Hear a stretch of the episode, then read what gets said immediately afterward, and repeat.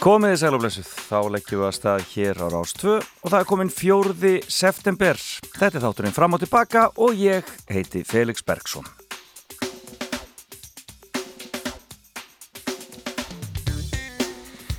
Já, það er bara komin fjórði september, þetta er svo fljótt að líða, það er alveg með ólíkindum en um, við ætlum að gera margt skemmtilegt í þessum þætti eins og vennilega og ég ætla að bjóða ykkur upp á fréttageturinn aftur í dag. Hún kemur úr sömurfrí og um, þeim með þá ringi mig þarna um hálf tíu liti og taka þátt í fréttageturinn vel einu vera svolítið sérstök í dag. Ég er ekki ennþá fann að fá neinn gjafabrið hérna inn á bortið mín þannig að ég ætla nú bara að lát, leifa þeim sem vinnur að velja að loka læðið þættinum. Þannig að það verður áhugavert að heyra hvað við fáum út úr því. E, og e, ég ætla líka að skoða þess að það gerast á deginum fullt af flottum ammælisbörnum í dag til dæmis sem að verður að minnast á og svo e, er ég með góðan gest hér í fimmunni. Hún er sest hjá mér og ætlum að byrja að rappa eftir smá stund. Hún heiti Kristín Jónsdóttir, oft kallu Parísardaman og margir þekkja að ferðum sínum til Parísar en hún er með skemmtilega fimmu hand okkur að vera gaman að heyra hvernig hún kemur út hjá henni í að veður, veðrið er nú bara svona eins og það hefur verið e, e, það er suðaustanátt, hægt vaksandi 13-20 metrar á sekund og regning sunnan á vestanlands eftir hátegi kvassast á snæfellsnesi með snörpum hviðum þar. En munhægar og bjart með köplu norðaustan til dregur úr vindi og úr komi vestast undir miðnætti. Og e, þetta verður svona áfram sínist mér hjá okkur svona það sem líður á vikuna. Og hitatölunar eru ofunlega háar fyrir þennan e, árstíma.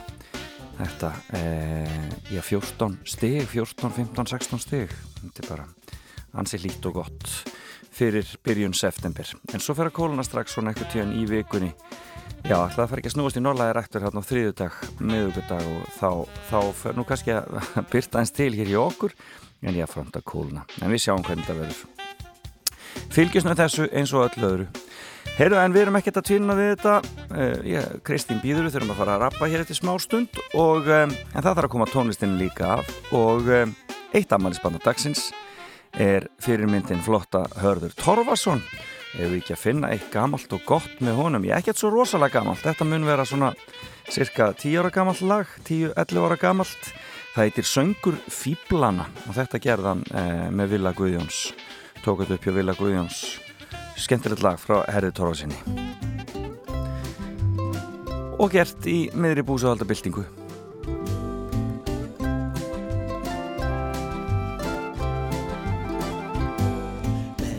Með vindinu fík ég sem fræ. Mitt frels er að berast með honum. Við heiminum sólgulur hlæ með hugan fullan af vonum Ég dafna allstaðar augrandi sem útskúmýrt á engi. Fýblið sem segir alltaf satt er sjálfnast velkomið lengi Menn reyna oft að malbíka mig og nýjörð en ég kvika. Hverjum kem alltaf aftur. Í mér býr lífsgleði, vilji og kraftur. Ég hef margt að segja og sanna. Ég er sigur tákn meðal manna. Unið í sáttur og sæl Ég er sigur vegari en ekki þræll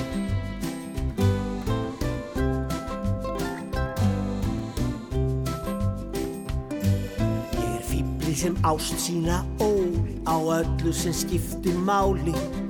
Ég nýt þess að nærast á sól Neitt öllu falls og brjáli Ég tákna andstöðu alls sem eyðir kúar og svíkur. Ég kalla alfívill og fíll að fegurð og baráttu Menn reyna ofta malbika. Mig og nýjörð en ég kvika. Hverjum kem alltaf aftur. Í mér býr lífsgleði, vilji og kraftur. Ég hef margt að segja og sanna. Ég er sigur ták meðal manna Unið í sáttur og sæl Ég er sigur vegari en ekki Menn reyna ofta að malbika mig og nýjörð en ég kvika. Hverjum kem alltaf aftur Í mér býr lífsgleði, vilji og kraftur. Ég er margt að segja og sanna. Ég er sigur tátt meðal manna. Unið í sáttur og sæl Ég er sigur vegari en ekki Sigur vegari en ekki þræll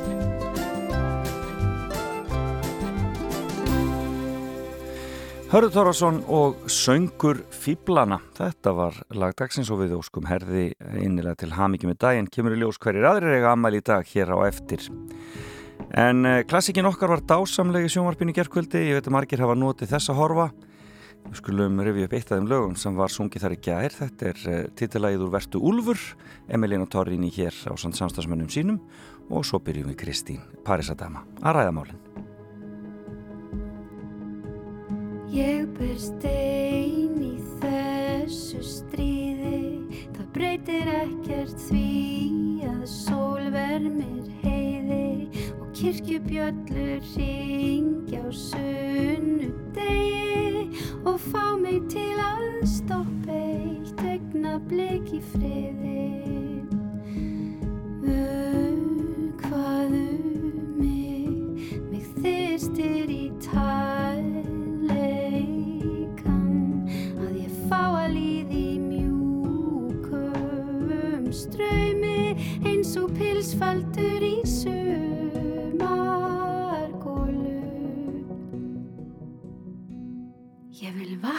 þakkinn dögg sem leipir sólargull í stein sem situr þungur í maga mér sem fastast ljósið færan til að kristallast og endur speklar hlýjum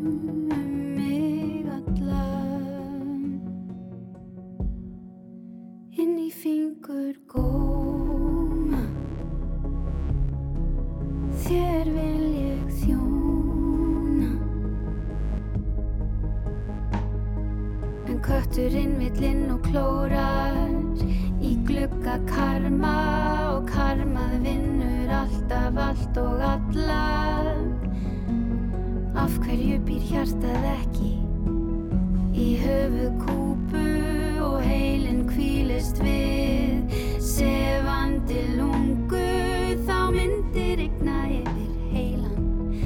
heilan ástar hjúpur og kæla þetta sviðna hugar ángur og ég vil að þú vitir að hefði ég haft vitið hefði ég dansað við þig bara. Ég ringsólast í törum og skuggasælu til ég veltist um í tjörum og hvítum fjörum heyrist eitthvert greið vera að öskra en öskrin hljóma og svo kunulega vatnið sínir speil mynd mína. Og andlit mitt það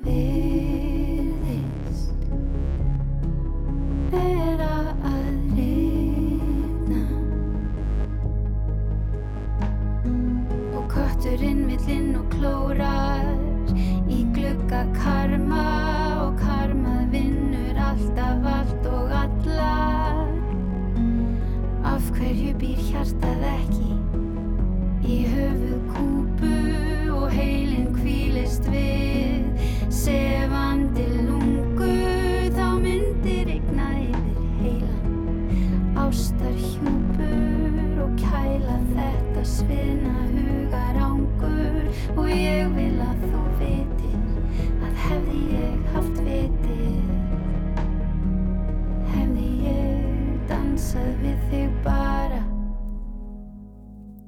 Vertu Úlfur titila á leiksýningu Emilína Torrini þarna og um, dásamlega vel gert hjá henni og frábært í um, þættinum í gerð eh, klassikinni okkar í sjómorpinu en þá er góður gestur komin hér til mín Kristín Jónsdóttir Parísardama, velkomin Takk fyrir það.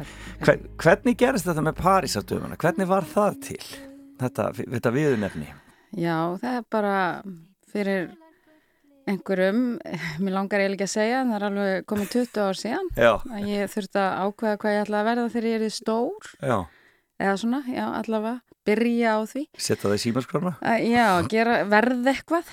Og hérna og ég fór að hugsa um hvað ég elska að gera og mér fannst alltaf svo gaman að lappa um París og, og hugsaði með mér að kannski væri komin tími til að, að bjóða upp á ferðir um París, bara svona, svona freestyle, ekki sagt, svona hópferðir heldur bara svona einstaklings Já, ganguferðir Já, og, og ég bara, já, bjóð til VF með aðstof bróðum mín sem er öruglega orðin ægilega mikið antík. Já, og mér hefur farið mikið fram síðan í VF gerð og, en hérna, já, og bara bjóð til nokkra gönguferðir og var það bara parisadaman.is Parisadaman.com reyndar .is var svo dýrt þá, Já. ég veit ekki alveg, svo hef ég bara aldrei skoða hvort það hafi eitthvað breyst. Nei, akkurat.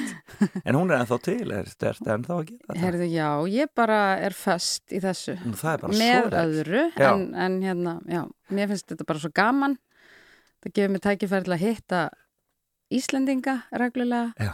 tala íslenskuna mína og, og svo er náttúrulega bara París alltaf svo frábær alltaf svo, þetta er svona frekar auðveld vara að selja því hún er svo æðisleg Nákvæmlega, og fór þetta bara strax að staða þarna fyrir 20 árum þá? Þetta gerðist náttúrulega mjög hægt Já. og ég á mjög vonda minningar í byrjaði sem sagt á því að vera bara með fasta tíma og Já. stóð með spjald og svo kom enginn aftur og aftur Já. maður þurfti alveg að hérna Haldi í þólið með þeirna? já, vera bara rosa hug, hugraustur ég hérna ég lendi stundum í að fólk gaf mig pening sem lappaði fram, ég held ég væri með svona spjald að Já. ég væri svöng að ég var með svona lítið spjald París að það mann Já, akkurat þannig að þetta var svona Já.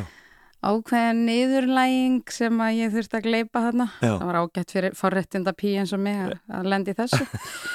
Og já, svo náttúrulega áttaði ég máið að vera betra bara að lega fólki að panta og enda var tölvuposturinn orðin svona frekar mikið notaður og svona þannig að. Þannig að þá fór þetta að gerast. Já, og ég hérna, já, bara ég, ég hugsa stundum að ég ætla að hætta það er svo mikið að gera hjá mér annað en, en svo get ég ekki En fólki finnst þetta svo skemmtilegt og þú Já. greinlegt að þú er náð alveg að hitta þarna á taug. já, Þú ferði í mýrina með fólk eða ekki og þú hefur farið á versali með fólk eða ekki. Já, ég með þess að gönguferðinu Mýrina, Latinu hverfið, uh, Montmartre sem er hann að listamannahæðin og svo Belleville Já, sem er svona aðeins á bakvið tjöldin. einmitt, Það, ég bjó hana til hann þegar það var að vera sína leikrit hérna Edith Piaf einmitt. eftir Sigur Páls. Já, og hérna og uh, svo fer ég þess að dagsferði til Versala eða í Gardinans Móni út í Giverny. Og svo Já. ger ég bara allt sem að ég beðin um meila sko, svona, alltaf innan velsæmismarka sjálfsögðu. Það var kannski að koma nakin fram eins Já, og já, eins og nákvæmlega. Ég hef ekki, já, ekki þurft að ganga þanga frábært.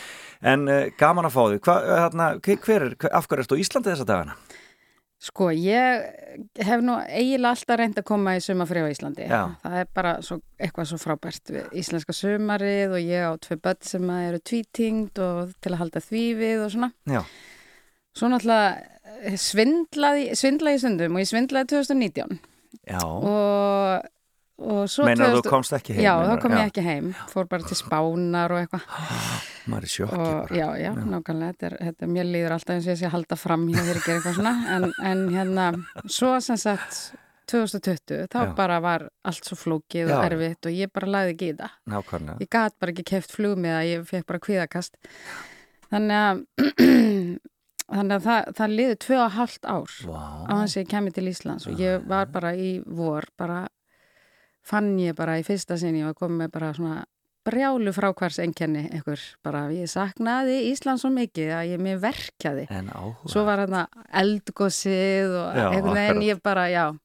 Þannig ég kefti með tveggja mánada Já, og er búin að vera inn í allt sumar einmitt. Og annað barnið þitt er að koma e, Já, og í skóla eða ekki? ég fer út með eitt barn og skil hitt eftir hann er þess að sonur minni byrjar í Háskóla Íslands Já, í hverju þar? Vélaverkfræði, En frábært, já, já. hann Þetta hefur það ekki frá foreldru sínum Nei, akkurat það er, nei, hvorki bóksalinn leiðsögum maðurinn. Nei, nákvæmlega Það er það svo leiðis. En e, fimmann þín, Hú, ég baði um fimmu og hún er mjög skemmtileg. Það er, hún er svona óvunileg. Það eru fimm leiksýningar. Já, Eða fimm leikrit. Já. Já. Mm. Og ég meina það bara, við bara, við bara skulum bara skella okkur í þetta, bara svona aðeins til þess að ég hérna, fatti hvert þú ert að fara. Byrjum, byrjum á byrjunni. Já, Hvað er fyrsta leikritið sem þú vildi nefna? já, það fyrsta sem ég ætla að nefna er bara klassíkin í listanum sem er Já. Brúðuheimilið Já. eftir Ibsen sem að er náttúrulega bara svona verk sem að allir eiga einhvern tíman að sjá Já. eða lesa, er Mhm. nefnilega er líka mjög gott að lesa þetta verk. Þeir- og En hvað verður til þess að þú verður svona hrifina? Hvernig sér það ég fyrst? sá það í þjóðleikusinu Ok. og ég man aldrei nöfn eða neitt nei, ég hugsi að vera flutt til Parísar því ég flutti til Parísar sko, bara um leið og ég varð fullorðin og hef eiginlega alltaf búið í París 1989, segir ég. Já. Já. En, en, en þú manst En- eftir þessari síningu í þjóðleikusinu? Já, þetta, ég held hún heit, heitir hún ekki Elva sem að léka Elva Ósk. Nálufsdóttir, alveg ég öruglega. held það að veri hún í leikur og ég man bara ég sat í, salnum og, og ég var bara svona frosin þegar þetta allt saman, ég ætla ekki að segja neitt Nei, frá nei, þetta er sögutræðinum svakalega leikrit hjá Já. Ibsen, sko.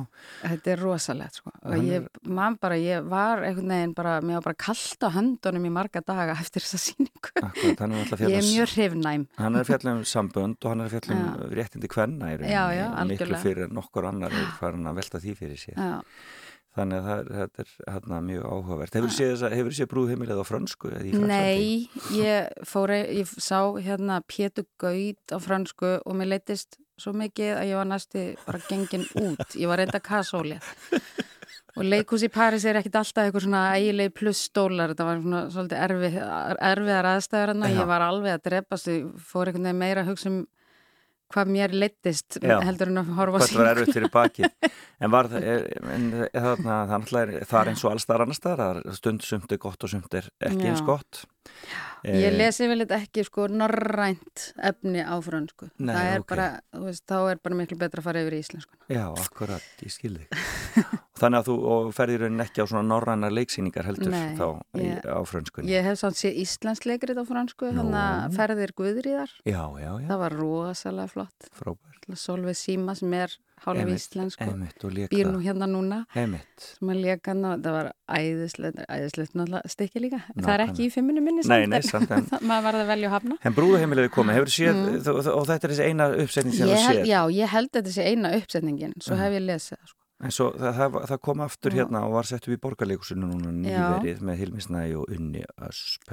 mér langaði svo að koma og Já, sjá það. akkurat. En ég kemst ekkit alltaf að sjá all er hérna á Íslandi. Ég, ég les og les um þau og hlusta og um fjallanir á, á ráseitt og svona þrái. En já, Ertu svona mikið leikusmanneskja? já Alltaf og hefur alltaf verið frá batnæsku eða Já, ég sko er bara svona breiðholtspann í blokk með leikilum hálsin og átti náttúrulega aldrei að fara í leikhús Nei. en amma mín var, var svona menningarlega sinnuð og reyndar eru Íslendingar almennt bara rosalega duglegir að fara í leikhús Nákvæmlega. Mér finnst eiginlega einn af þessum kostum við Íslendinga er hvað er fara mikið í leikhús og burt sér frá einhverjum svona stjættum og Nákvæmlega. hvað er að gera í lífinu og eitthvað Þannig að þetta á ekki alveg við En- þetta með að batni Já, með leikinu hálsinn. þetta var svona leikur með staðalímyndir Já, og hérna, en sem sagt amma mín verður ekki að fyrir aldur fram Já. og hún var alltaf með fasta með leikusinu og um leið og ég hafði aldur til ég var svona bráþroska batn Já. og eitthvað ég bara var mjög ung þegar ég var með fasta miða í leikus Þannig að þú og fyrst að fara með ömmuðinni. fór með ömmu á alla sýningarna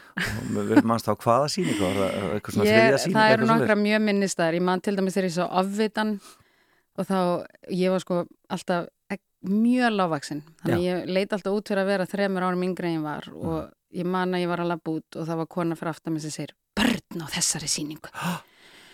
Og ég alveg man hvernig ég reyndi að stækka mig um 2 Já. cm hann fyrir já. framann hann alveg stífnaði hann upp en var líka pínu montin alveg kettlingar maður veit ekki neitt sko um, dæmi eitthvað svona akkur spurðum ekki bara hvernig mér fannst sýningin eða eitthvað. Nákvæmlega.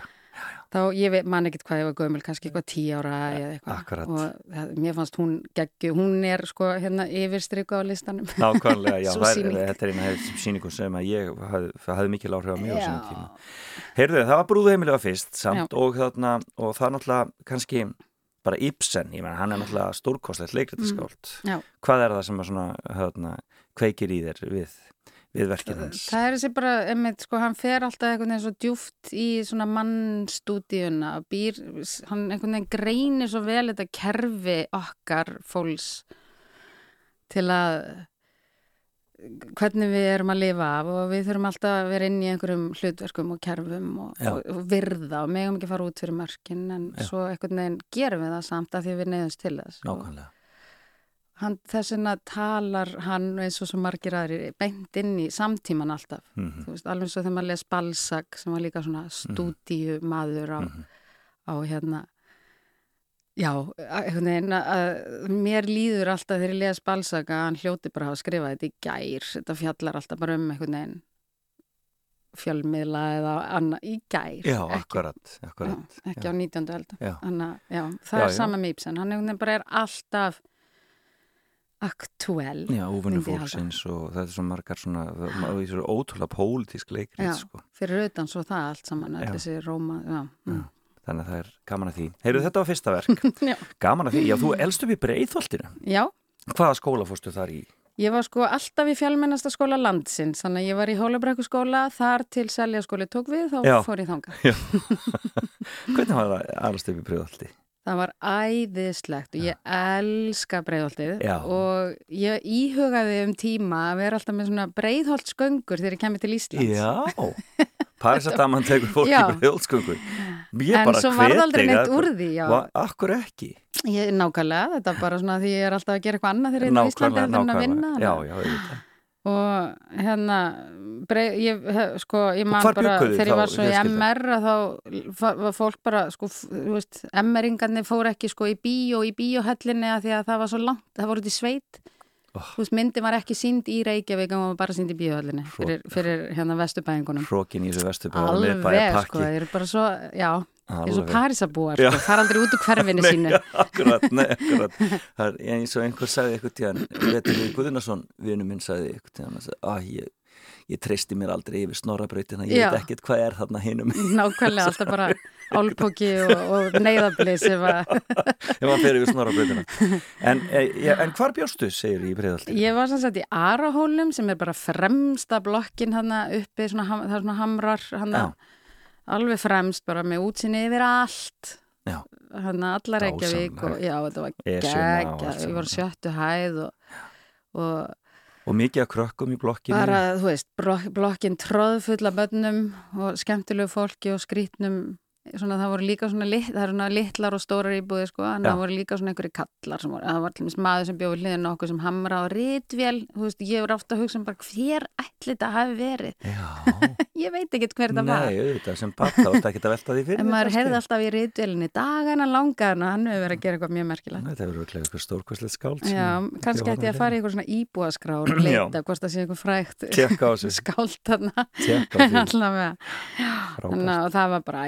að að vera. Maður átti bara hundra mömmur og hundra pappa og, og hundra sískinni. Þannig að það hefur þá ekkert verið neitt skríti fyrir því að koma inn í, í rauninni fólksmerðina og uh, svona uh, uh, þessa þéttu byggð eins og í, í París þegar þú flytur þangað.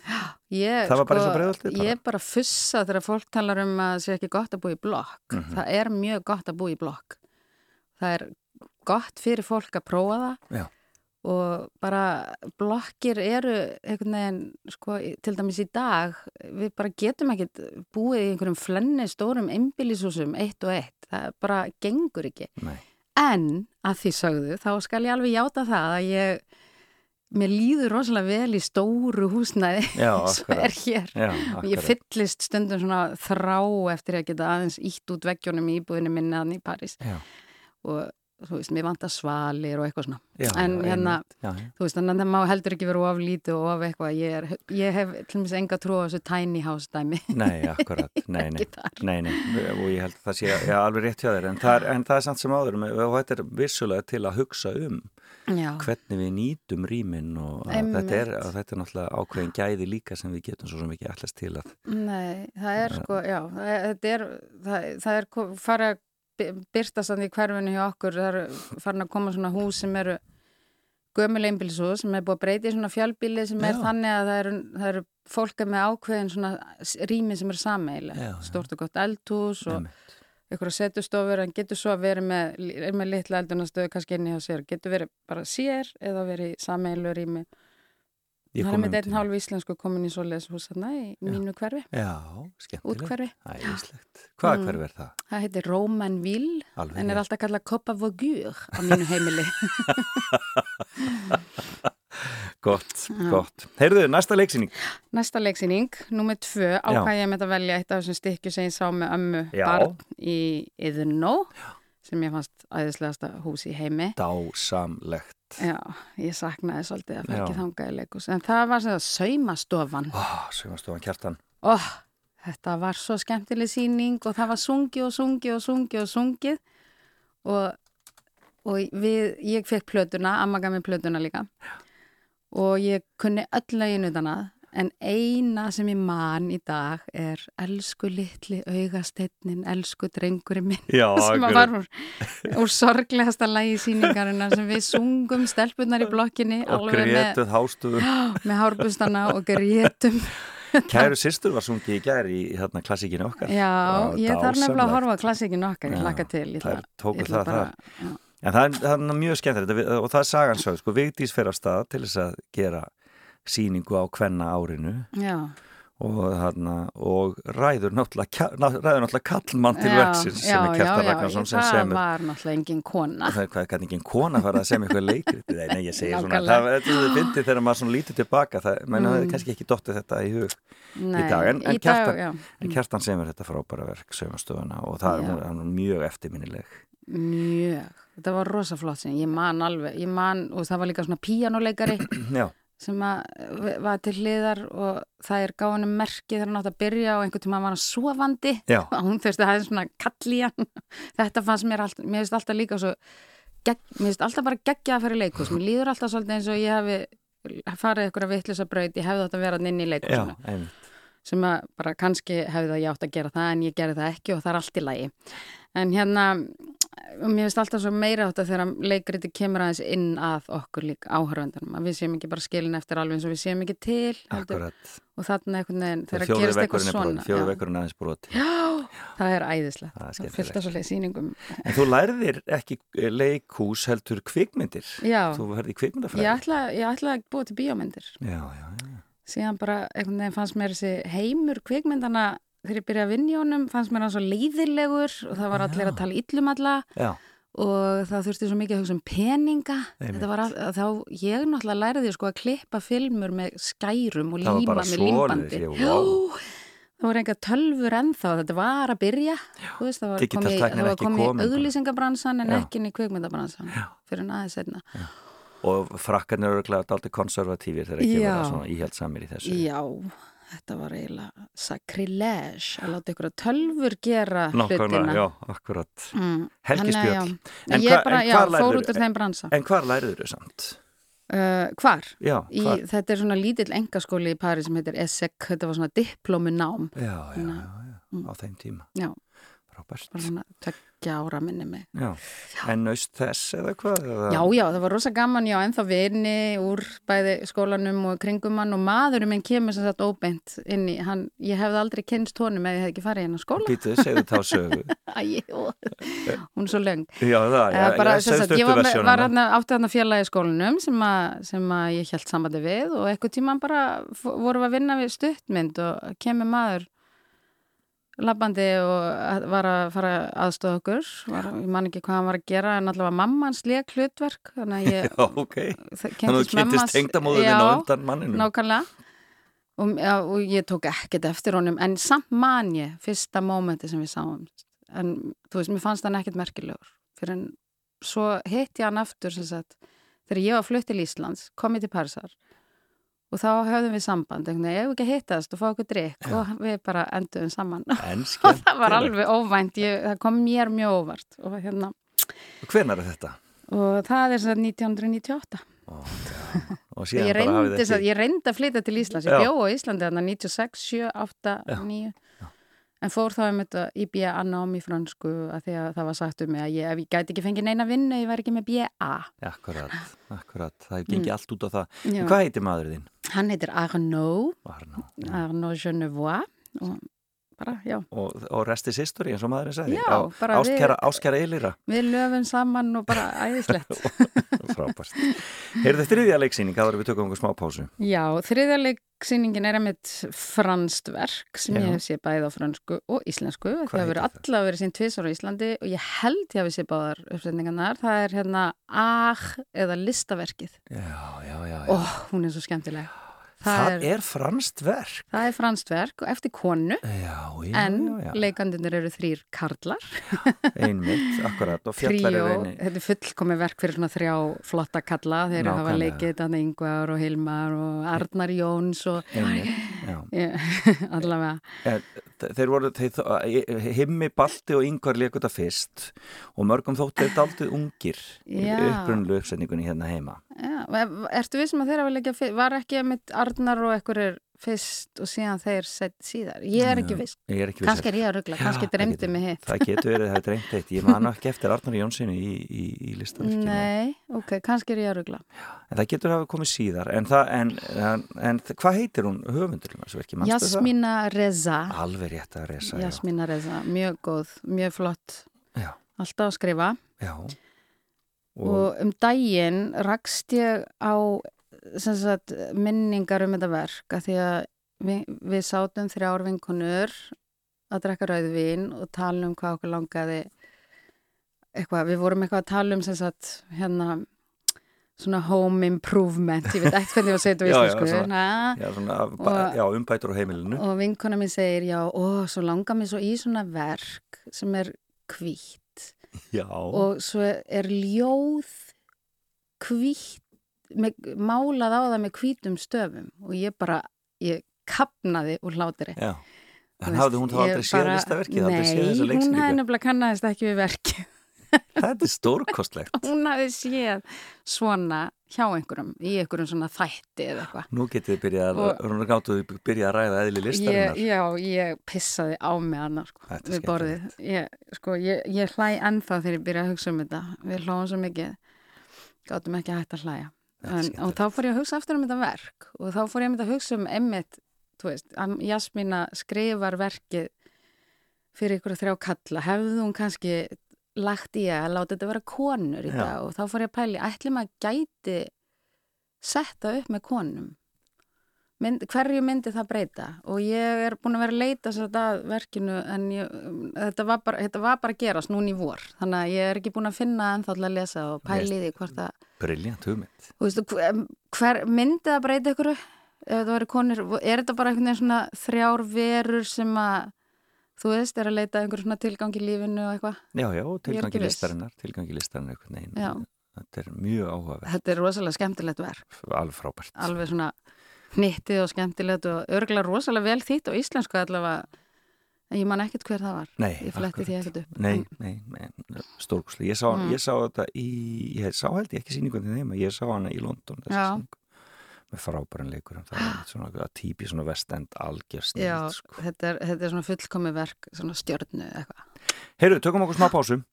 Þú baðst um tónlist með Belleville, Já, nema hvað? það er eftirlætis hljómsveitin mín Já, íslensk. Íslensk, Eyjólu vinnu minn og Ásta vinkona mín og fleiri með hana, alveg frábært fólk og lagi sem ég valdi er L'amour, l'alcool et l'accordienne. Ah, fullkomið, Er það ekki?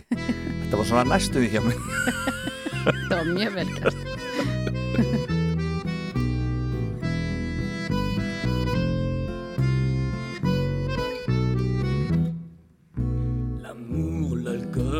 l'accordéon, voilà ce qui fait mon bonheur. Et ce depuis que j'étais poupon, et tant que battra mon cœur. Mais le jour du jugement dernier, j'espère que le grand Manitou tiendra compte de mon plaidoyer et me pardonnera tout. Quand il promène ses doigts sur les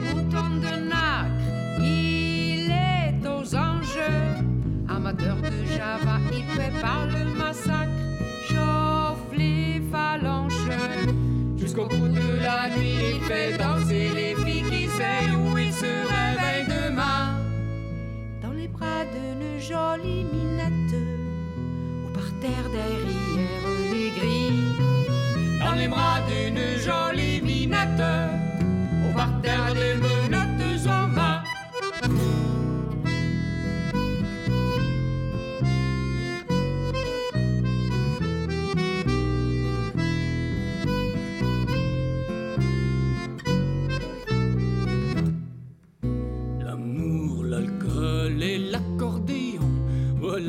L'essence de mon être.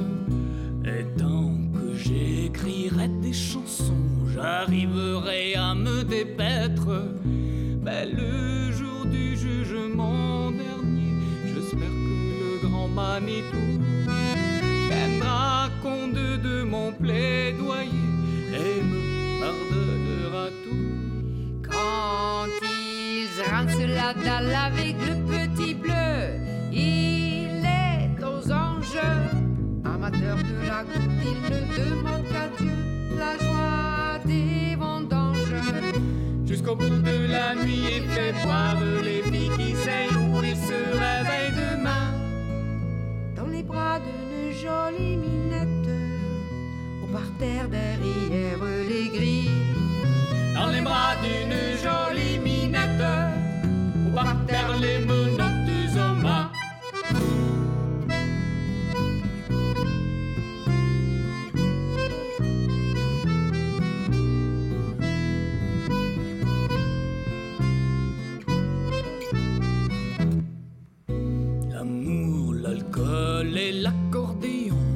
voilà ce qui fait tourner le monde. Je cache un corps dans mon pantalon, une âme qui fait frémir les blondes. Mais le jour du jugement dernier, j'espère que le grand Manitou tiendra compte de mon plaidoyer et me pardonnera tout. Quand il tient dans ses bras une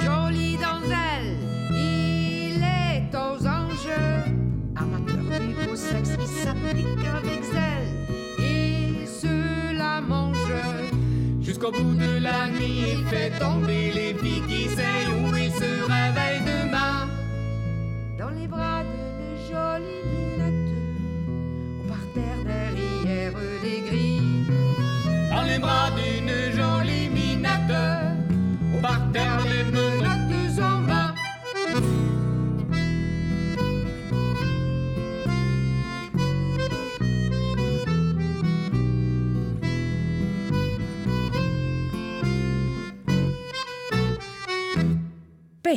úr efstaleitinu í Reykjavík. Fram og tilbaka á Rástfö.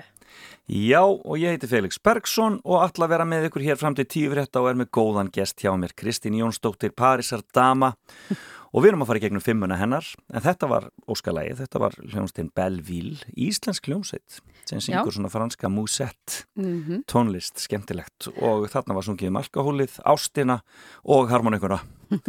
Alltaf mikilvægasta. Fullkomin þrenna, fullkomin þrenna. Heyrðan, við erum búin með þrjú, talandum þrennu, þá erum við Mm. búin með þrjú, þrjú, þrjú árleiksýningar af fimm, brúðuheimilið, saumastofuna og listaverkið. Og nú hefur við tvær eftir, hver er svo fjórða? Heyrðu, Fjórða er kontrabassin. Já, sem að hann leka hann hérna, hann eh, Árni. Árni, eh, Pétur. Já. Alveg meiri háttar. Það er, það er einleikur, er það ekki? Bara Það er einleikur. Með, með kontrabassa. Já, það er einleikur en er samt heil hljómsveit Já. sem, þú veist, þetta er alveg magnastykki. Þetta er hann hérna Patrik Suskind sem að Akkurat, skrifaði Ilmin sem allir er Akkurat. að líka lesa einmitt. Og lýsir einmitt gamalli París Er sem hann, er ekki lengur til. er hann franskur eða? Nei, hann er austurískur, Já. held ég. Annars ruggla ég samt alltaf hann að Austurík og Sviss og svona. Einmitt, já. Held samt að hann sé austurískur. Já, Patrik Sískind. Og er sem sagt Skrifar mælandi, já. já. en svo er hann samt mjög tengdu Fraklandi og Og þessi sýningar hér, hvað, bara á tíund áratögnum, 90 og Já, eitthvað, þetta er áður en ég fer, Já. held ég alveg örgla.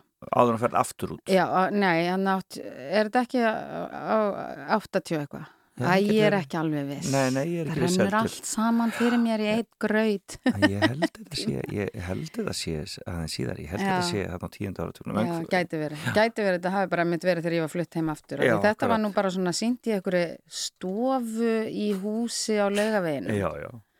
Rosalega svona intím. Svona rosa, allir, rosa mikið nánd. Þetta er rétt verið, þetta er eldhússtólar. 1988 Já, er Þetta það ekki? 1988. Það var nefnilega þegar ég bjóði þetta ennþá. og það er Guðjón Pettersen sem leikstýrir þarna, þetta þetta er svona, þau, þetta er svona, þetta er svona progressífa fólkið í íslensku Já, leikhúsi þetta var þarna sko frú tíma. Emilja sem var Einmitt. svona hérna og ég sem sagt af því ég var bara svona alin upp við að sjá alla sýningarnar að þá fór ég líka alltaf þegar að byrja svona þessar, þessi áhuga mannaleikus Þetta er bara og stórkostlegt. ég, sagt, þannig í mentaskóla held ég áfram að vera með fasta miða amma fann sér einhverja vinkonu, ég var nóg stór til að vera með ömmu sko, Já, alltaf. akkurat. því miður, ég var svo rauglu þá en hérna en, og við fórum alltaf á þessar litlu sýningar og ég man, þú veist, eftir sýningum ég man þegar ég kom við, við vorum hann held ég fjögur úr, úr mentó að fara að sjá sýninguna Gulur, hann að niður í Vestugötu sjö þar, þú veist, þannig að Já, var síðan akkurat, síðar og eitthvað og Sem er núna þetta var bara í einhverjum kjallara bara sem var bara búið að rífa allt Það innan úr. tapasparinn er núna. Já, alltaf ekki, emmi. Og hann hérna, hann Þór Eldjárn var að selja með hann, hann ég held að vera hann sem að setja þetta upp eða leikstýrið eða eitthvað, allavega. Og ég man bara að hann gafti og hann sko opnaðist hún á hann mandliti bara, "Hå, eru það að koma á leikriti? Þór Túlinius, meinar við. Já, Þór Þór Túlinius, já, hvað sagði ég? já. Þór Eldjárn, Þór sagði Eldjárn, það- Já, er báðir fjölskylda. Já. það er annað. Hann, Já, en hérna, og hann var svo glaður Að að, að, að að, að það voru bara gamla konur. Allt í nú kom bara þarna fjögur ungmenni. úr mentaskóla. Já, En dásalegt. hann var svo glaður, hann bara átti ekki til orð, bara allir þið að horfa á leikriti okkar og þetta var geggjur síning líka, hún er, ég myndi ekki eftir henni fyrir Nei. Akkurat, en ég man alltaf, hún hétt Guluröðu Grannablár og þetta var svona impró, æðislegt. frábært. En þú var farið já, sem sagt en að sem fara sagt að frú sjá Emilja var hann í einhverju bara stofu, heima hjá einhverjum, Já. bara heima hjá Anna Petri eða eitthvað. eitthvað veit svo ekki. Já, já, nákvæmlega. og hérna og þetta er náttúrulega bara svona verk sem að er svona einmitt þessi stúdía á kerfinu Já. og þarna er kerfið sem sagt symfóniuljómsettin Einmitt. og kontrabassin er svona allt og stór og allt og djúpur Fittar einhvern veginn ekki alveg inn og, Nei, og öllum finnst hann bara hallarslegur og óþólandi einhvern veginn. En samt svo mikið svo óþægilegur, þetta er svo óþægileg rödd. Já. en bara einmitt, það virkar ekki neitt í symfóniuverkinu ef hann er ekki hana Nákvæmlega. og þetta ættum við að hugsa um til dæmis í dag þegar við erum að vera þreytt á fólki sem lætur heyra of mikið og of oft í sér út af einhverju Nákvæmlega. það þarf, við verðum að hlusta á það líka og það verður að vera með Þessar rattir verða að fá að heyrast. Já, og hann er svo ástfangin af fyrstu fyrlu sem veit ekki að hann er til og þetta er svo fallegt verk Kontrabassin, já, Átni er náttúrulega líka frábær Já. leikari, Átni Geggjaður. sérstakur og flottur leikari, sko. alveg meira áttar og Skemmtilegt. amma sagði mér að hann væri frendi minn en amma var svona ættfræðingur ég veit ekki hvernig hann er frendi minn Hann- Hvað hétt þessi frábæra ammaðinn?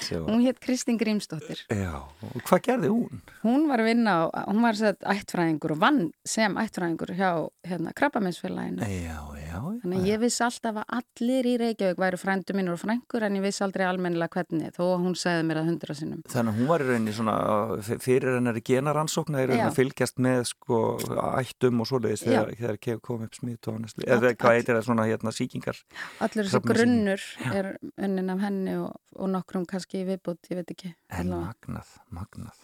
Já.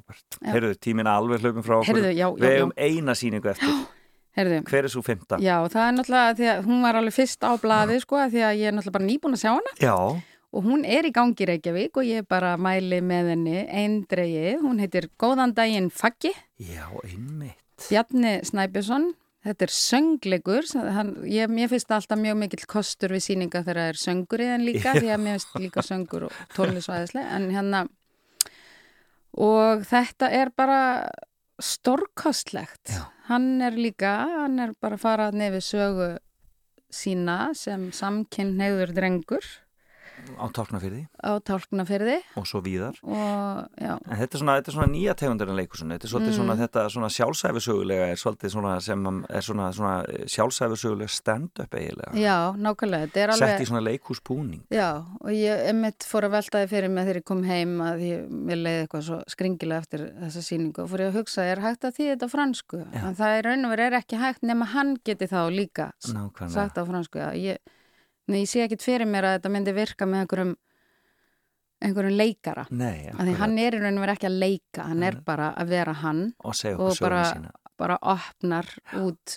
bara leggur yður sín hann á borði fyrir okkur. en líka En aldrei óþægilegt. en performer er alveg dásanlega alveg ótrúlega rosalega flottur. já, hann syngur vel hann er með svo flotta nærveru og hann er eitthvað og þetta er og það, það er alveg þannig að þegar hann er að syngja svona þessi hressustu lögin sko að þá líður mann eiginlega eins og að sé, hérna, séu bakdansarar. Já, nákvæmlega, einmitt sér það alveg sér það fyrir að því hann bara er með einhverja reyfingar og, og það er bara nákvæmlega eins og að það sé alveg hópur á eftir hann Já, þó að þetta sé pínlítið svið í, í hérna þjóðlíkuskjallarannu sem er náttúrulega æðislegu staði líka.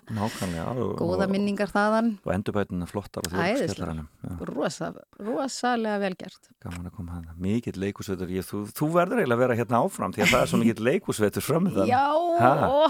alla stóru síningarnar sem að hafa ekki komast á svið nú koma þær hver á fætur hann já ég, þú veist, emitt, ég á eftir að sjá þetta allt og, Rómeó og ó, Júlía það er og- mjög sársökafullt og svo, svo er þessi Greta Thunberg alveg búin að gera mann svona brjálaðislega afhugaði að fljúa en ég get ekki einu sinni afsaka að koma í helgaferð. Allt henn að kenna. Allt grét að kenna. Það er bara kólefni spórin alveg. En Þú ég, var, ég væri sko til í að vera að þú býrði svo lítill íbúð að það, þú ert löngum Já, að- að- ég jafnit út með já, því. Og ég rækta tómata. Að nákvæmlega og salat og svona en hérna, já, ég gæti náttúrulega þú veist, ég, ég mig dreymir alltaf um að vera svo típa sem fer í, í helgafæri til Íslands.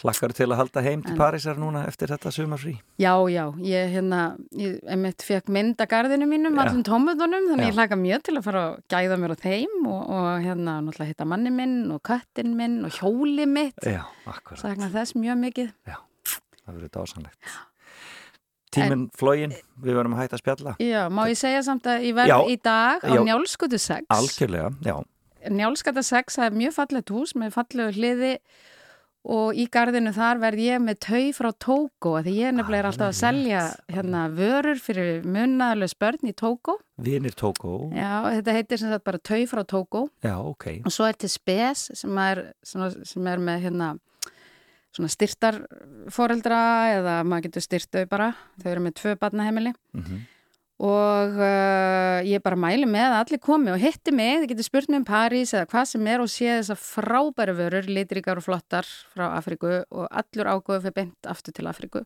dásanlegt, Til tókó til munalösu börnana þar. Já. Njálskata sex segir Já, njálskata 6, hvenær þetta er bara byrjið? heimagarður. já, hvena byrjið Ég byrja kl. 12 og er til 3. allar að vera í dag, Já. til þrjú Fullkomi og fara svo smá lauga við og svona og láta ekki veðrið á sig fá. Ég hveti ykkur til að fara og heilsa upp á Kristínu þar og alla aðra sem þar verða. Já. Njálskutu 6 í dag. Kærar þakkir fyrir Takk. spjallið og, og, hérna, og góða ferð aftur heim til Parísa síðan. takk, takk. Bless.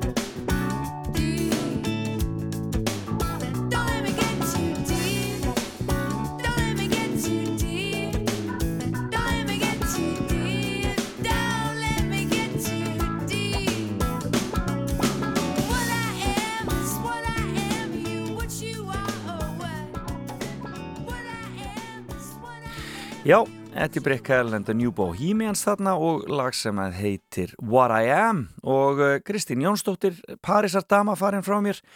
Fimm leikritin hennar, fimmann hennar voru brúðuheimilið, saumastofan, listaverkið, kontrabassin og góðan daginn faggi. Eh, og eh, þetta er frábærlisti og nú bara hvetjum við alla til þess að skella sér í leikúsi í vetur og búa til svona skemmtilega minningar. En hér eftir nýju fréttinnar þá ætla ég að eh, segja ykkur aðeins að því sem gerðist á þessum góða degi gegnum tíðina, 4. september. Og eh, svo ætla ég að opna fyrir síman og fara í fréttagetrun með okkur og verðlaunin er að fá að velja síðasta lagið í þættinum, þannig að ef þið ætlaði að vinna fréttagetrunum þá voruð þið líka að hafa hugmyndum hvaða lag þið viljið heyra en við heyrumst aftur eftir nýju fréttir.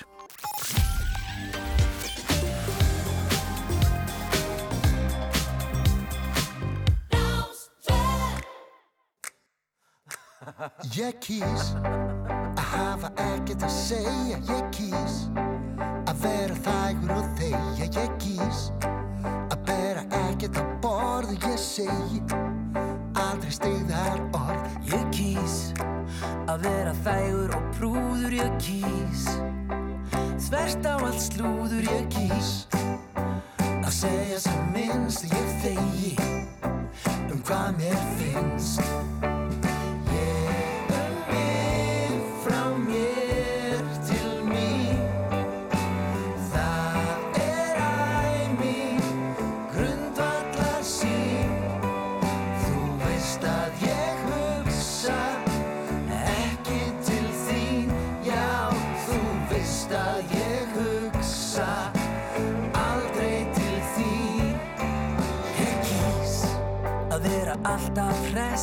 spyr að yngum vegna þess að ég er bara dægilegur gæi flýt með og hef mátulegt vægi. Ég kýs mitt þægilega líf Ég kýs borgið þrátt ég kýf. Ég kýs alltaf óbreytt ástand Ég kýs fyrir flokkin og Ísland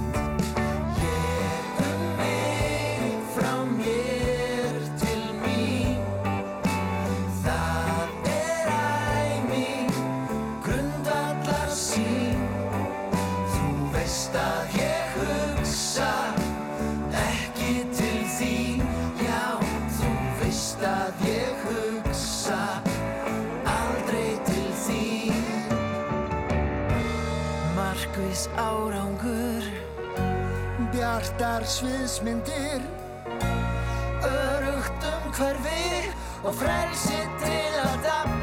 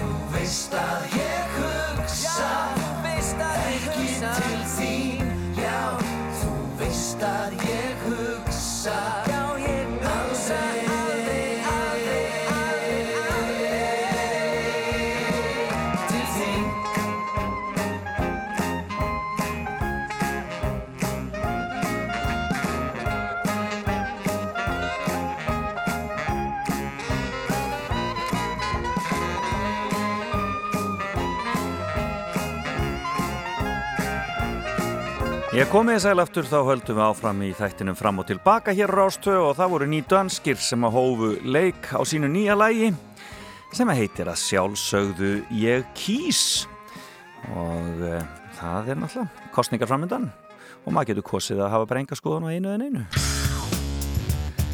Hér er Jamiroquai og Deeper Underground fyrir að líða því að ég kíkja aðeins á það sem gerðist á deginum í dag.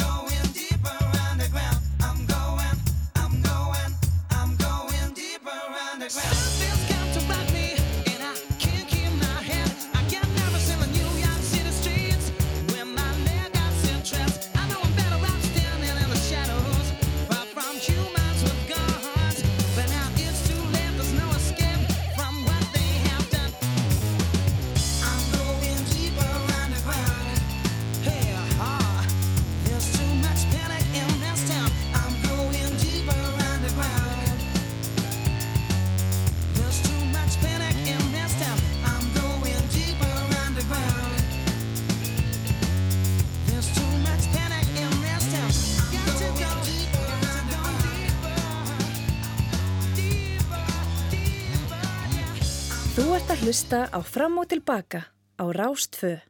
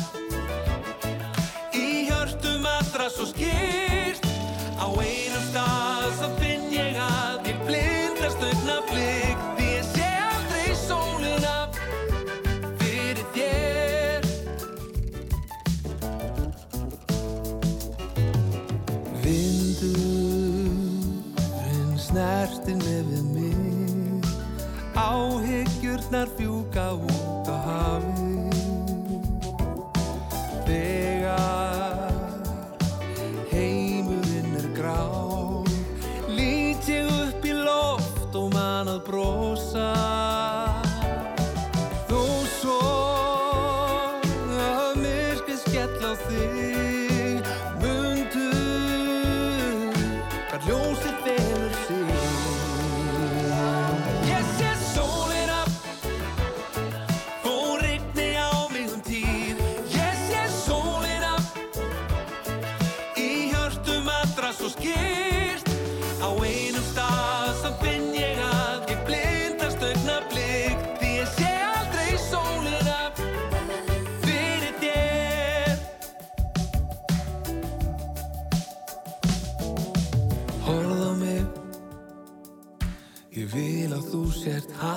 hamingjusum Horð á mig.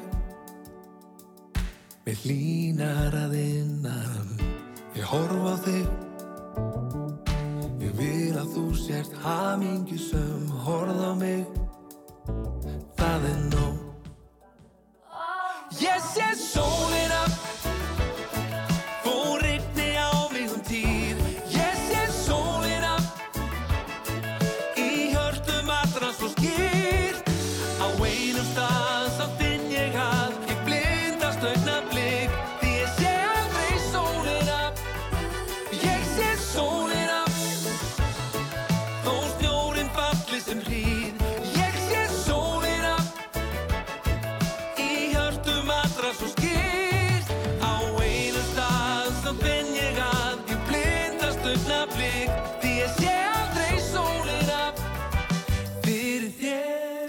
Jési sóluna sunguðu strákarnir í Albatross.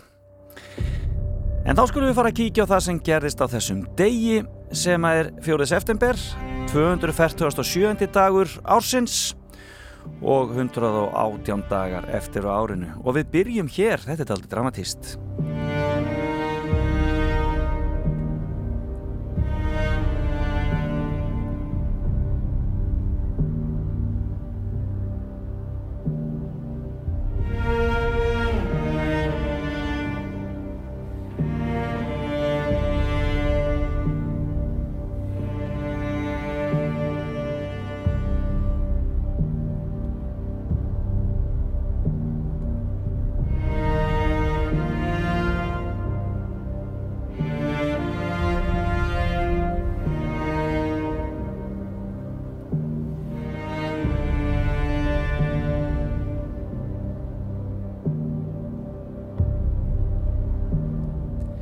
Já, þetta er mjög dramatíst. Þetta er úr kvikmyndinni Joker árið 2019 og lagið heitir Defeated Clown og það er Hildur Guðnadóttir að sjálfsögðu sem semur þetta.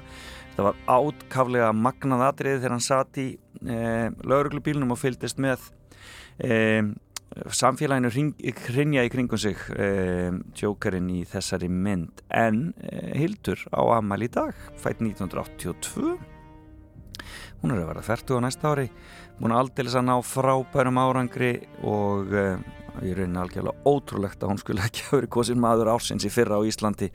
Hafandi tekið öll velun sem hægt var að taka í uh, til dæmis Óskarsvelunin og var þar fyrsta konan sem er ein með, með velun fyrir tónlist ársins.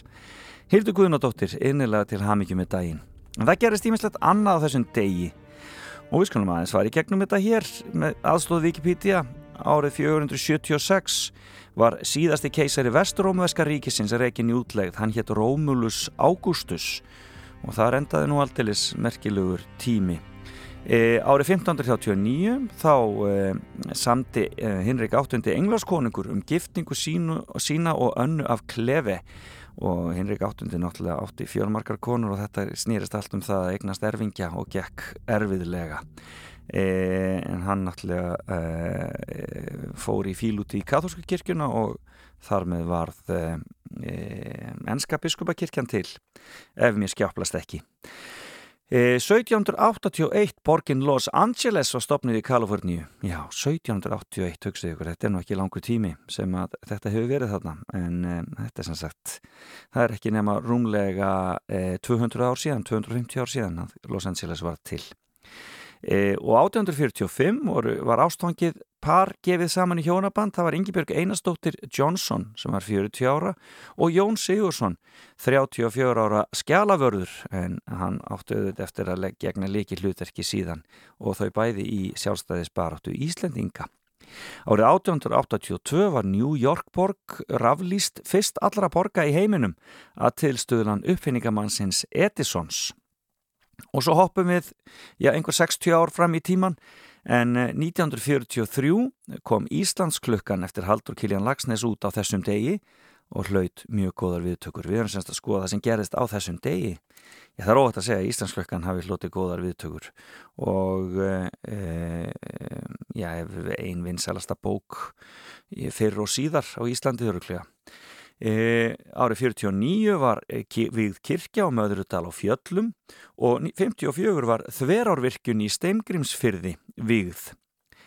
E, Förum svo til ásins 1969 en það var á þessum degi, 4. september 1969 sem 18 ára hapfyrningur var kosin popstjárna ársins á popháttíð í lögadalsölli Reykjavík. Þetta var auðvitað Björgvin Haldursson og uh, einhverjar uh, unglingsstúlkur uh, brut á sér framtennutna til þess að vera eins og björgvin í framann og svo er létt hann alltaf að laga á sér frekjusgarðið og þar með þurftu þær að gera það líka.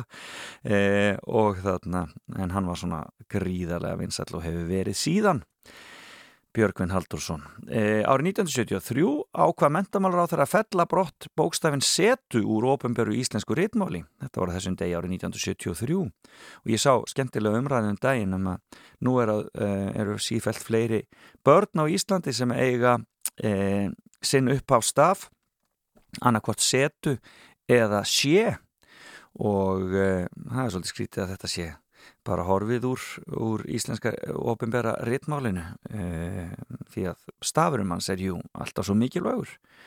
Það er alltaf fúlt ef hann er ekki inn í stafrónu áhugavert að ræða það. Með fjölmenningunni.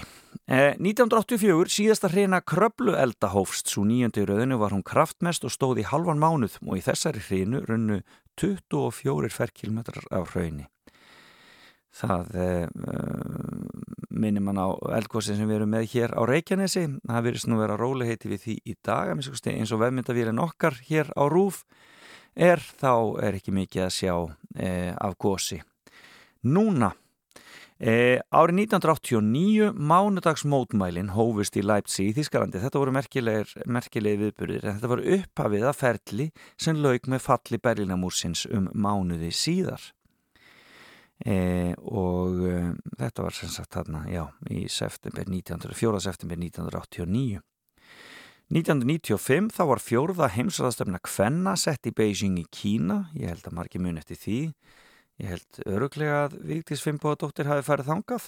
Og svo var það 1998 Google var stopnað af Larry Page og Sergey Brin nefnendum við Stanford Háskóla. Og ætliðir hafi vitað hvað myndi koma hana í kjölfærið. En það er annað amarisbatt sem að mig langar til þess að leiði ykkur að heyra í. Hann heiti Múkisson en það er Guðmundsson og, og býr fyrir vestan. Við óskum honum innilega til hamingi með daginn. Og er ekki bara típ, tilvalið að fá hann til að syngja með popstjörnunni frá 1969 Björgvin Haldursinni hér syngja þeir lag sem að heitir einfallega minning og gera vel.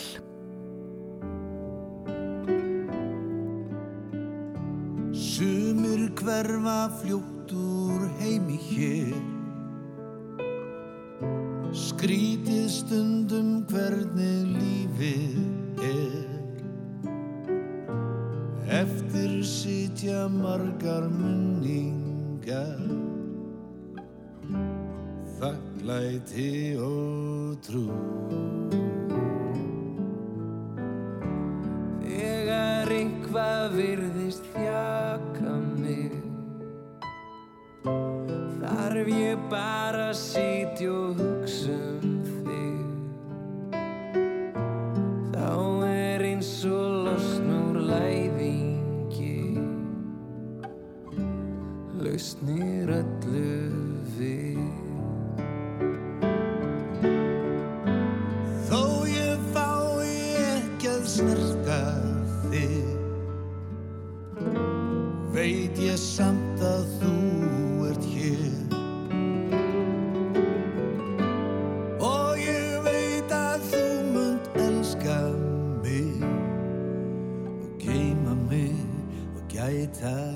hjá þér.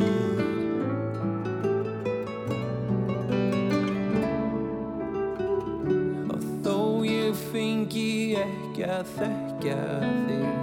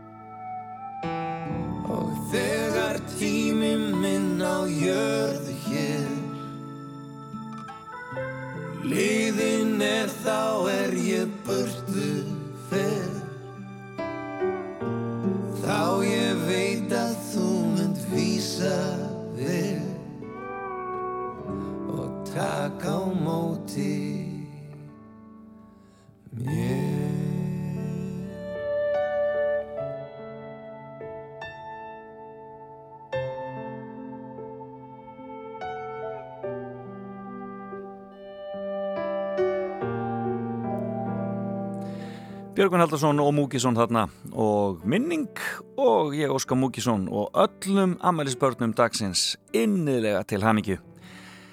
Hildi Guðuna, Herði Torfa og öllum hinnum Hér er Lil Nas X frábær þessi. Industry Baby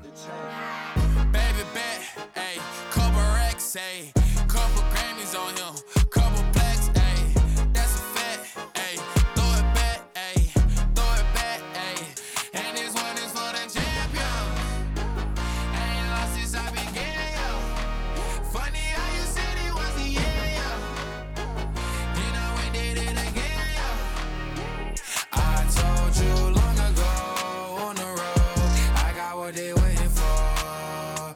Don't run from nothing, dog. Get your soul. Just tell them I ain't laying low. You was never really rooting for me anyway. When I'm back up at the top, I wanna hear you say, You don't run from nothing, dog. Get your soul.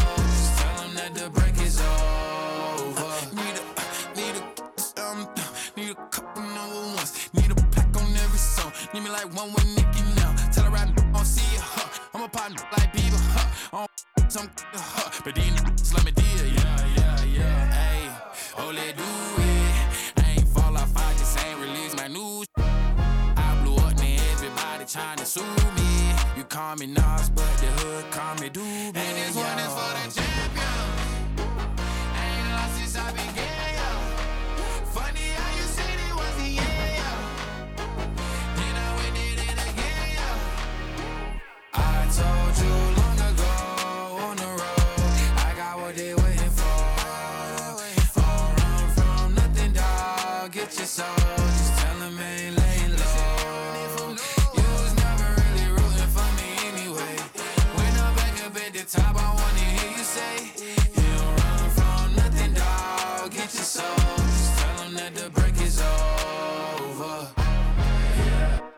track record so clean, they couldn't wait to just bash me. I must be getting too flashy. Y'all shouldn't have let the world gas me. It's too late, cause I'm here to stay, and these girls know that I'm nasty. I sent her back to her boyfriend with my handprint on her.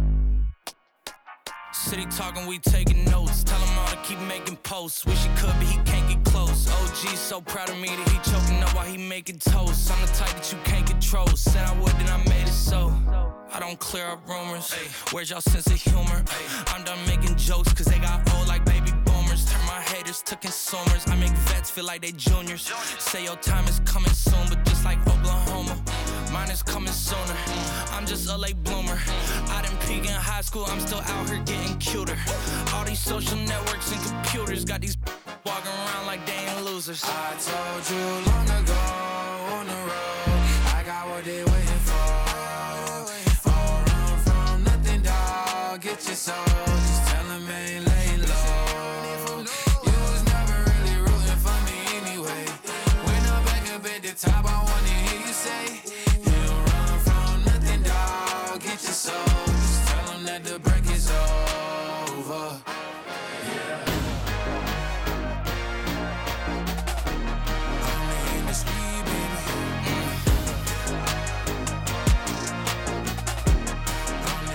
Þetta er stórmerkilegu listamöður Lil Nas X og Industry Baby. Og ef þið hefði ekki séð myndböndin hans á netinu þá bara hvetja til þess að fólk kíki á Lil Nas X hrigilega flottur. Um, Við ætlum að fara hér í smá auðlýsingartíma og eitt nýtt lag með Duran Duran af öllum. En uh, eftir það þá er ég að hugsa um að skella í litla fréttagetrun og þá getið þið ringt í 5687123 5687123 og reynd ykkur við getrunina. En það er eftir smástund. Kúrðu bara áfram og hlustaðu á fram og tilbaka á Rás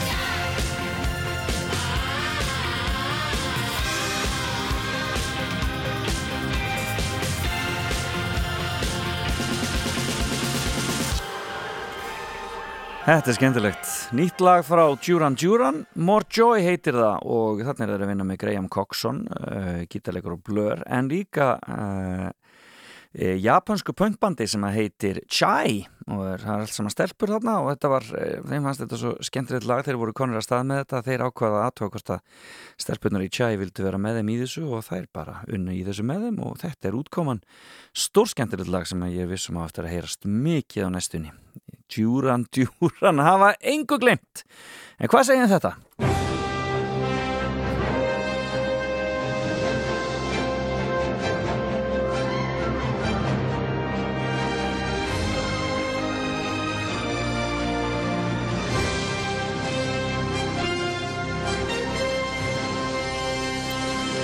Já, fréttageturinn komin úr sumafrí. Símin 5687123, 5687123 ef þið viljið taka þátt í fréttageturinn.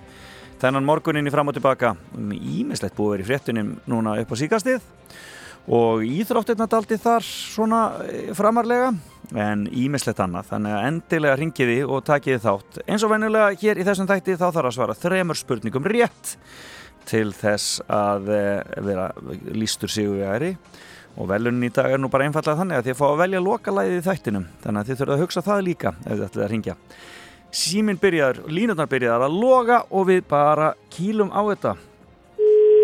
Neini, þessi var bara farin þessi var farin hvað er þarna. Mm, hvað gerist hér? Hvað er næsta. Góðan daginn. Góðan daginn. góðan dag, hvaðan ert þú að ringja? Úr uh, höfuborginni? Já, í rigningar suttanu hérna hjá okkur Nei, þetta er alveg þurrkan. Er það ekki? Príðilegt við bara Þetta kemur, þetta kemur. Já, já, nokkanlega Heyrðu, þú fylgist vel með fréttonum, er það ekki?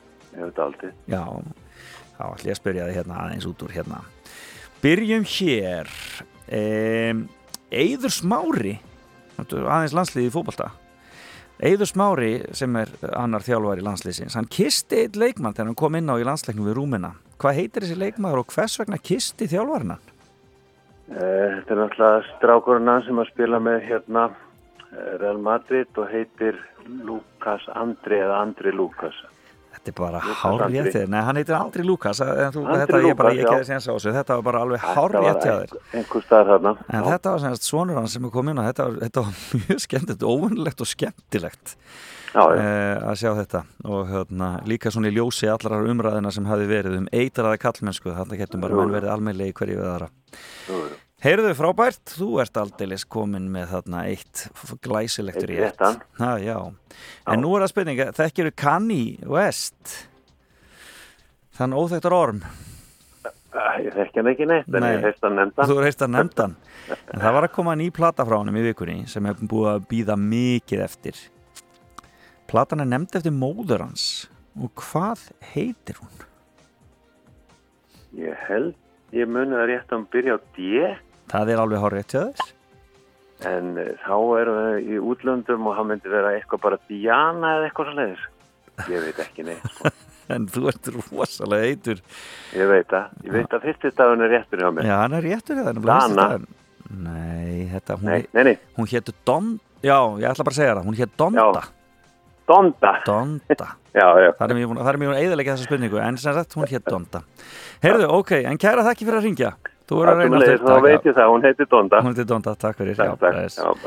Hey, prófa næsta Góðan daginn Já, góðan daginn. Já, góðan dag, heyrðu, ég eðilaði fyrir þér kæni, kæni í spurningunni, ég hef glemt því að ég átti náttúrulega að spyrja að þessu Já, ég- er alveg sko. Já Heyrðu, þú færð annað bara Þú færð Ég annað annað, í staðinn Súperbandið ABBA tilkynnti útkomu nýrar plötu Voyage í vikunni eftir 40 ára hlið og þau ætla alltaf tónleika í leikvangi sem verður byggður sérstaklega fyrir ABBA í Lundunum en nú spyr ég fyrir hvað stendur ABBA nafnið? Aldrei heilt þess að hljómsið nefnda. Nei, akkurat Er, er þetta ekki bara fyrsti stafnir í nafnum þetta? Já. Þetta Benny, Anni Frít og Björn. Þetta er bara alveg hárrétt hjá þér alveg hárrétt, þú veist með þetta Já, Þetta voru þau, heyrðu já. Heyrðu en þá er það olimpíuleikarnir. Már Gunnarsson, sundmaður, hann hefur farið á kostum í viðtölum á olimpíuleikum fallar í Tókjó og í síðasta viðtalinu talaði hann um kassa með 250 gjöfum sem kom hann um algjörlega opna skjöldu. Hann talaði um að kannski þýrst hann bara selja þessa skrýtnu gjafir og nefndi að það myndi kosta 300 kall stikkið auk sendingakostnaðar. En hvað var það sem Már þurfti ekki lengur á að halda í Tókjó? Það voru smokkarnir maður. Smokkarnir. Olimpíuleikinni búnir og þá fór maður Ólympíuleikarnir 250 búnir. smokka. Back to reality og Það er ekki að frætti neitt save sex þegar maður er komin olimpíuleikum. Nei, en hann sagði kannski að ef maður ætla að vera duglegir á þarna 11 tíma flugin og leiðinni heim þá kannski kemur þetta að góðu notum. Ég bara, hug, maður hugsa ekki þá hugsun til enda. Það er þetta millilenda fyrir það. jú, eitthvað svo leiðis hann er skemmtilegur að már, hann er búin að fara alveg á kostum er og gleði okkur hér heima. Heyrðu, en að, þá ertu komið tvær réttar og þá spyr ég Hafrannsóknarstofnun hefur, segir í, að í sumar hafi sést meira af ákveðin lagsategund í íslenskum ám en nokkru sinni fyrir. Nauðsynlegt sé að auka þekkingu hér á þessari tegund til að geta brúðist við með réttum Já, þetta hætti. er núðlags, glættu þessu bara. Já, já, já, ok. Þetta, hvað segir hvað heitir hann? Núðlags. Núðlags. Alveg hárétt hjá þér. Þú varst algjörlega með þetta. Hvað heitir maðurinn? Hann heiti Kristján. Kristján, hvaðan ringir þú? Ég er í 101, Njarvíkuborg. 101 Njarvík. Kristján Hversson. Njarvíkuborg. Ja. Njarvíkuborg. Kristján í Njarvíkuborg. það er í Reykjanesbæ en, en við, við innfætti við tölum og svona. Nákvæmlega. Vel gert. Heyrðu, ertu með eitthvað hugmyndum, eitthvað skemmtilegt lag sem þú vilt að ég spili í lok þáttar? Ha? Ertu með eitthvað skemmtilegt lag sem þú vilt að ég spili í lok þáttar? Kontu bara með, hérna, sko, ég er ekki búin að heyra þessi nýju appalög. Já, ok. En ég heyrði svona slitrur úr, úr, úr öðru læginu í, í, á gæ. Já. Spilaðu bara annað þessi nýju appalög. Ég skal spila stuðlagið. Það er, það er, það er já. frábært. Er, er annað stuðlag og hitt róli? Já, þetta rólega svona algjör tilfinningaklám eins og, eins og Hermi Gervill orðaði það. Það er bara beint fyrir aðtánduna. Það sem ég heyrði í því fannst mér ég hafa eitthvað heyrt eina línu áður eitthvað stað með einhverju annari hljómsveit. Ég, Já, það getur verið. ég þarf að ræða þetta við hann Dotta litla við minn, sko, hvort að, hann þekkir, hann þekkir, hérna, orginalinn. Já, já, algjörlega. En, en, en það væri gaman að fá að heyra, heyra það. Spila nýja appalæði fyrir þig hér eftir þarna e, í lok þáttar. Það verður síðasta lægið í þættinum. Kristján í Njarvíkuborg, kæra þakki fyrir að ringja og til Það var að hafa þetta svolítið þingra svo maður, maður hérna, ná ekki alltaf í gegn. Heyrðu, kæra þakki fyrir það. Lofa því Já, næst. takk. Takk fyrir. Takk, já, takk. já, Bless, bless. Þannig hljómaði það. Kristján í Njarvíkuborg hafði það og hann valdi lokalægið og uh, það verður nýja appalægið. En hér er Elín Hall og komdu tilbaka.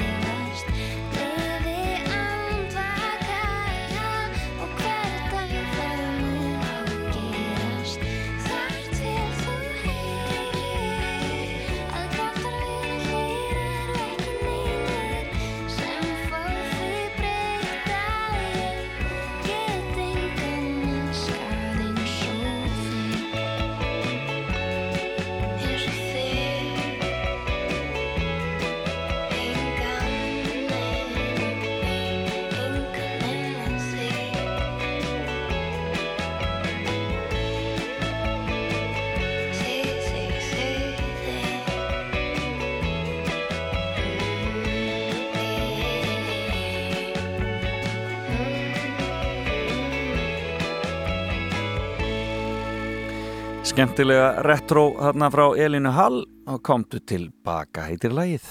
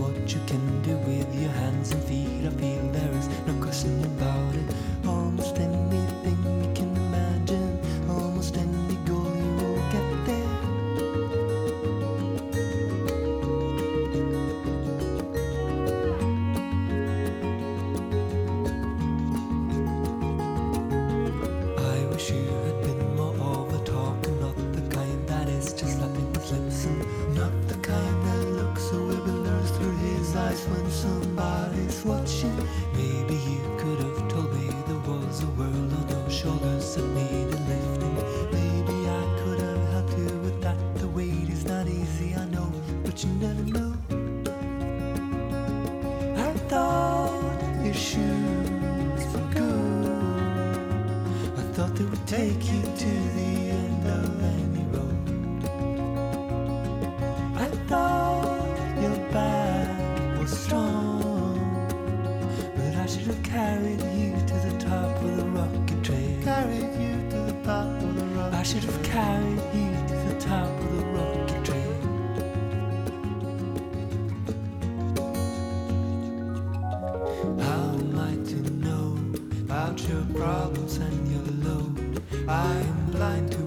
show.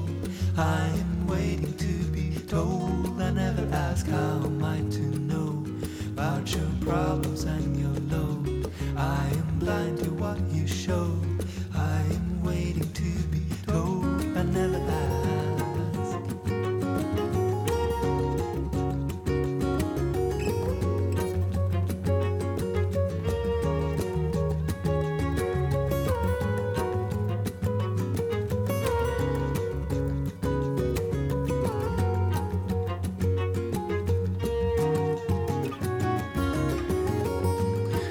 Þetta eru Kings of Convenience og lag sem heitir Rocky Trail og um, það fyrir að líða lokum þess að þáttar hjá mér á smá eftir samt. Salka Sól tekur hér við eftir tíu og svo heldur þetta áfram eh, uh, allir eftir hátegin með allir það ekki, vinsætlir til rása 2 og svo í kvöld er það Saga Rapsins. En um, já, við getum held að áfram að vera með okkur á rás 2 í dag. Þú ert að hlusta á Fram og Tilbaka með Felix Bergsinni á Rástfö. Vintage tea, brand new phone, high heels on, cobblestones. When you are young they assume you know nothing. Sequin smile, black lipstick, sensual politics. they assume you know.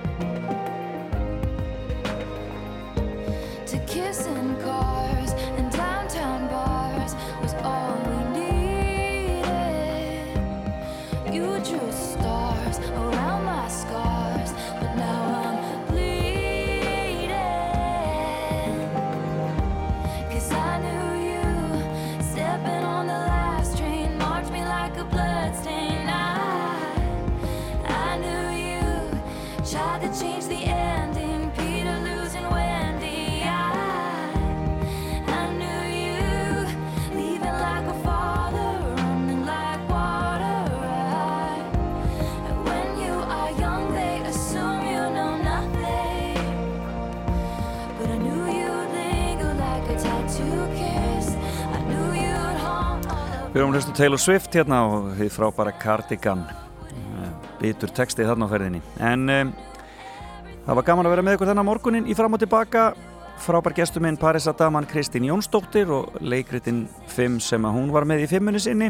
Við fáum eitthvað skemmtilegan aftur hér eftir viku. Og uh, þá uh, já, kannski fréttageturinn, það kemur í ljós. En um, ég lofaði uh, Sigur Vegarinn með fréttageturinni í Njarvíkur borg að eh, spila nýja abbalægið og það kemur hér, það heitir Don't Shut Me Down og eh, hljómar nákvæmlega svona. Og þakk ekkur fyrir samfellin í dag. Heyrumst aftur eftir viku, bless bless. This wooden bench is getting harder by the hour. The sun is going down, it's getting dark. I realize I'm cold, the rain begins to as I watch the windows on the second floor. The lights are on, it's time to go. It's time at last to let him know.